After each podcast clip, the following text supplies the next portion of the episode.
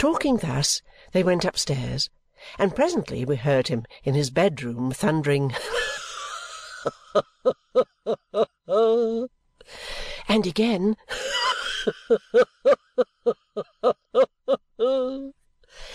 until the flattest echo in the neighbourhood seemed to catch the contagion and to laugh as enjoyingly as he did or as we did when we heard him laugh.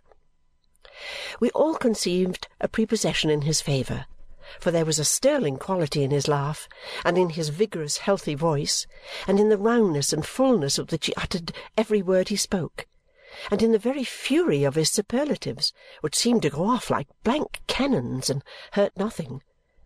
But we were hardly prepared to have it so confirmed by his appearance when Mr. Jarndyce presented him. He was not only a very handsome old gentleman, upright and stalwart as he had been described to us, with a massive grey head, a fine composure of face when silent, a figure that might have become corpulent but for his being so continually in earnest that he gave it no rest, and a chin that might have subsided into a double chin but for the vehement emphasis in which it was constantly required to assist.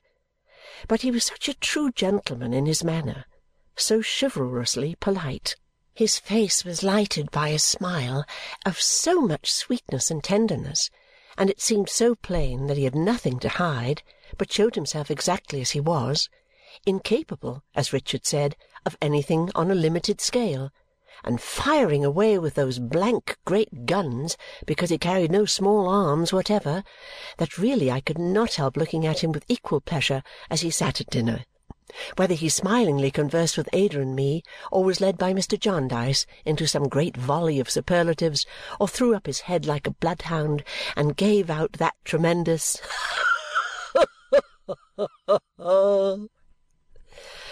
You have brought your bird with you, I suppose? said Mr. Jarndyce.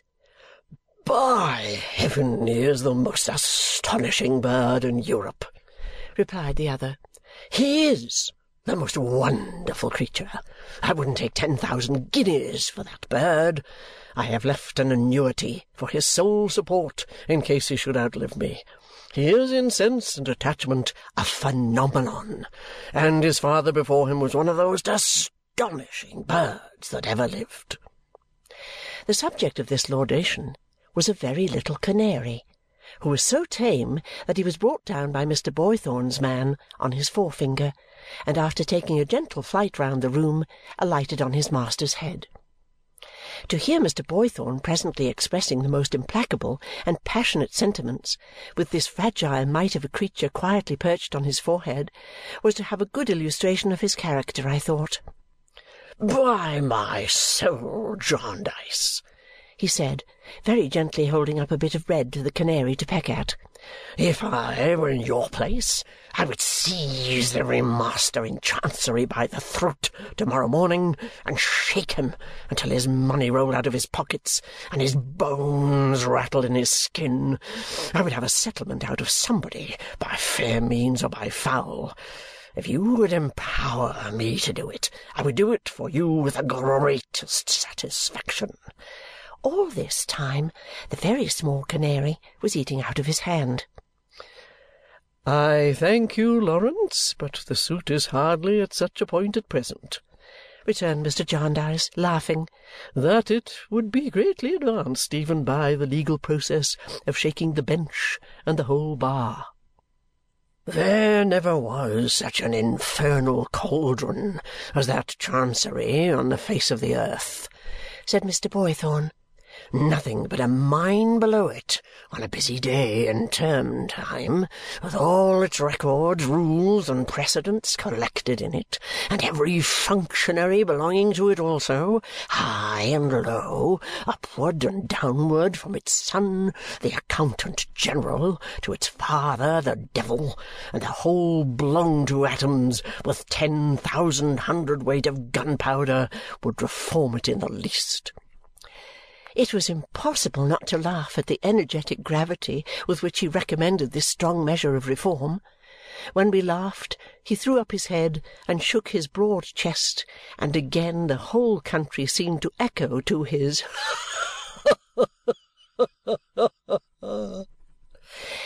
it had not the least effect in disturbing the bird, whose sense of security was complete and who hopped about the table with its quick head now on this side and now on that, turning its bright sudden eye on its master as if he were no more than another bird.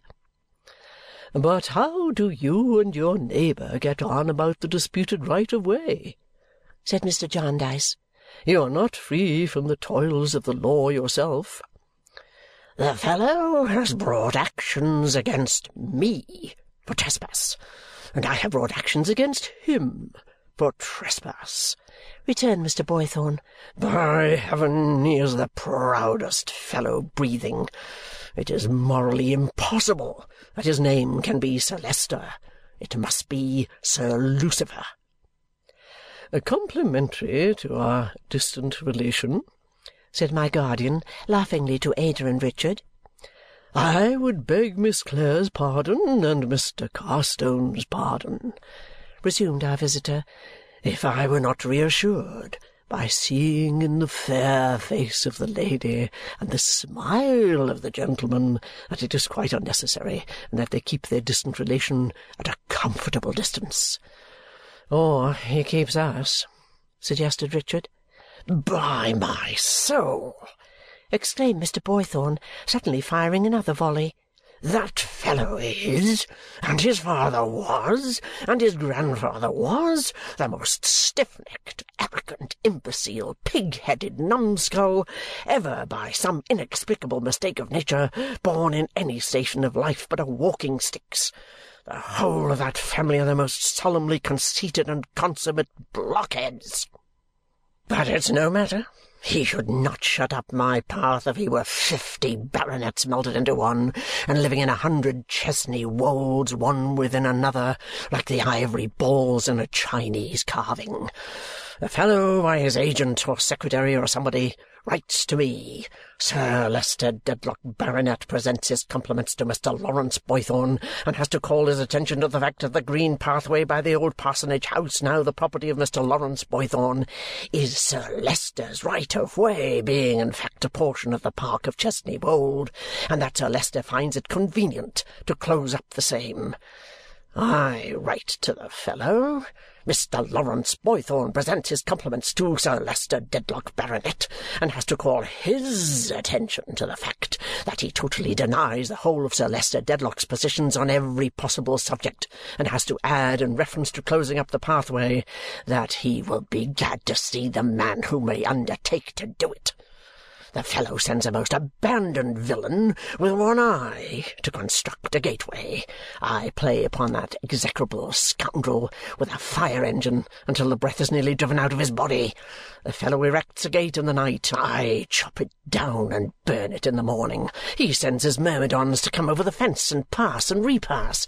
I catch them in humane man-traps, fire split peas at their legs, play upon them with the engine, resolve to free mankind from the insupportable burden of the existence of those lurking ruffians.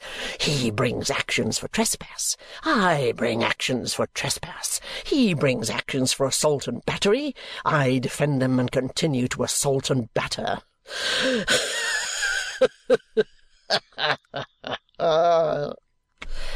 To hear him say all this with unimaginable energy, one might have thought him the angriest of mankind. To see him at the very same time looking at the bird now perched upon his thumb and softly smoothing its feathers with his forefinger, one might have thought him the gentlest.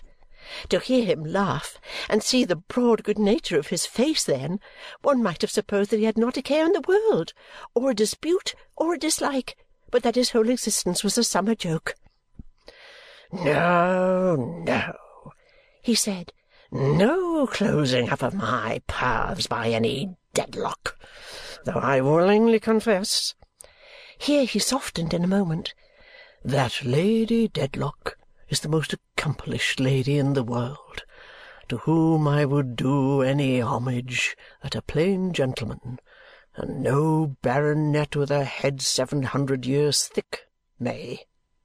A man who joined his regiment at twenty, and within a week challenged the most imperious and presumptuous coxcomb of a commanding officer that ever drew the breath of life through a tight waist, and got broke for it.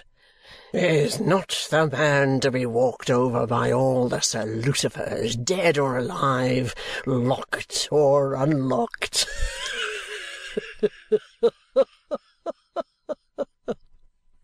Nor the man to allow his junior to be walked over either, said my guardian.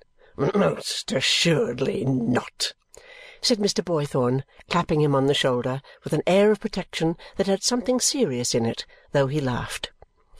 He will stand by the low boy always, Jarndyce. You may rely upon him. But speaking of this trespass, with apologies to Miss Clare and Miss Summerson for the length at which I have pursued so dry a subject. Is there nothing for me from your men, Kenge and Carboy? I think not, Esther, said Mr. Jarndyce. Nothing, guardian. Much obliged, said Mr. Boythorn. Had no need to ask after even my slight experience of Miss Summerson's forethought for every one about her. They all encouraged me. They were determined to do it. I inquired because, coming from Lincolnshire, I, of course, have not yet been in town, and I thought some letters might have been sent down here. I dare say they will report progress to-morrow morning.